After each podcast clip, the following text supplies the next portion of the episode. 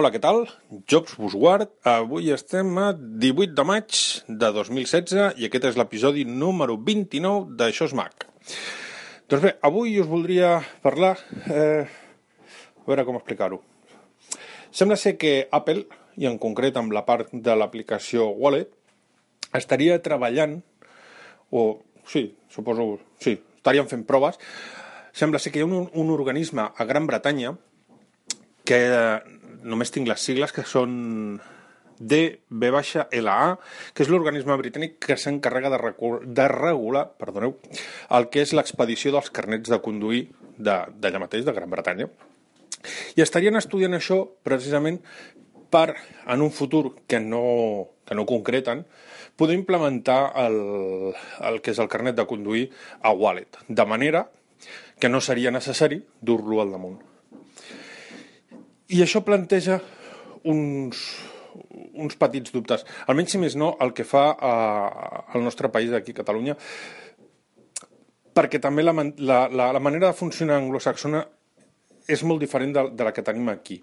A, a Gran Bretanya, com en molts països saxons, per exemple, no és obligatori eh, tenir un, un carnet d'identitat. No, no, no existeix. A més a més, està molt mal vist en la societat eh, tenir, tenir un carnet de ai, perdó, d'identitat.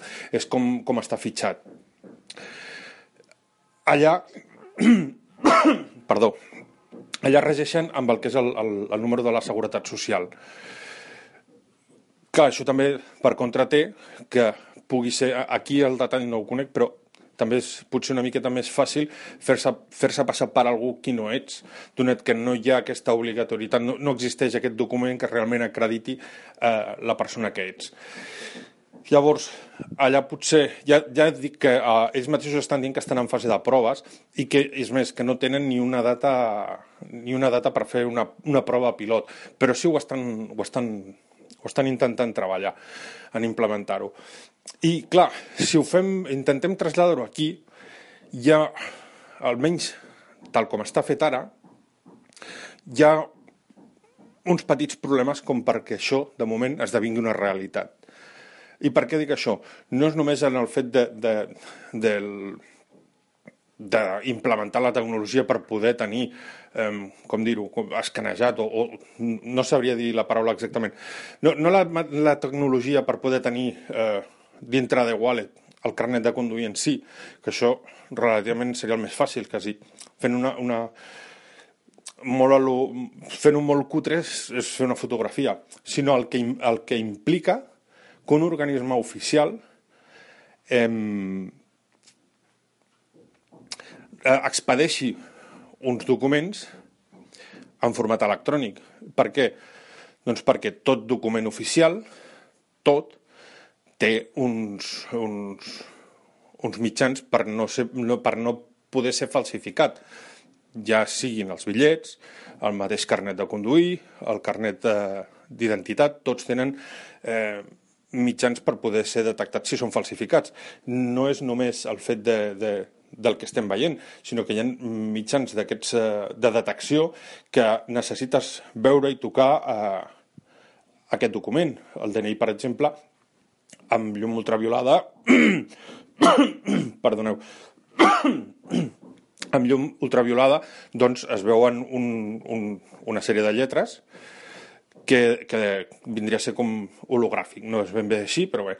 Després, a més a més, el, el mateix carnet d'identitat i també el de conduir, doncs, si el veiem al, a, la llum i el, el movem, doncs veurem també una, una certa holografia.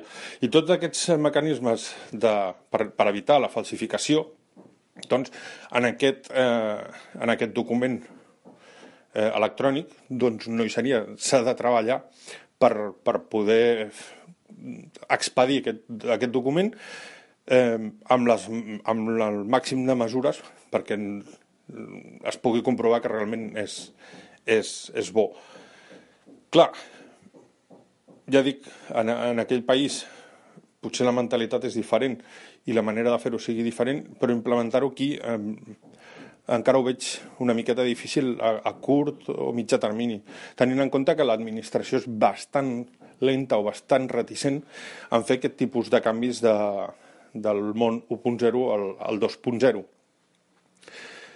és més, si fins i tot les mateixes empreses privades que hi ha aquí al nostre país els hi costa, em ve, per exemple, al cap, eh, si vosaltres coneixeu o feu servir l'aplicació Stockard, aquesta aplicació eh, no és res més que, mm, en lloc de portar totes les targetes de fidelització de, de tot tipus d'establiment, ja siguin de, de roba, de, de queviures, supermercats, grans superfícies, doncs eh, normalment en aquest tipus de comerç la majoria solen facilitar eh, una targeta de fidelització que ve o bé eh, es, es dona una sèrie de punts per bescanviar pel que sigui o eh, aquests eh, punts es poden bescanviar amb descomptes de, en les properes compres, etc etc etc. Doncs eh, aquesta aplicació el que fa és poder escanejar aquesta targeta de manera que no calgui dur totes aquestes targetes perquè realment a la que ens fem tenim tres o quatre targetes o més d'aquestes de fidelització mm, la cartera de seguida agafa un gruix important si li sumem el, doncs, com he parlat fins ara, carnet de conduir, carnet d'identitat, algun bitllet, targeta sanitària, doncs la cartera va agafant gruix.